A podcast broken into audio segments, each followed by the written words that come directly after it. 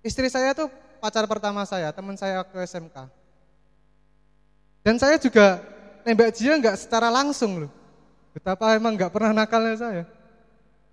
Saya nembak dia nggak nggak nggak secara langsung, saya nembak itu lewat SMS. Nih istri saya nih. Saya nembak dia lewat SMS malam, saya kirim SMS. Mau nggak jadi pacarku? Dibales. Nanti ya, aku pikir-pikir dulu. Setelah itu dia pamit tidur. Paginya dia balas, iya aku mau. Mikirmu lo kapan? Kok iso?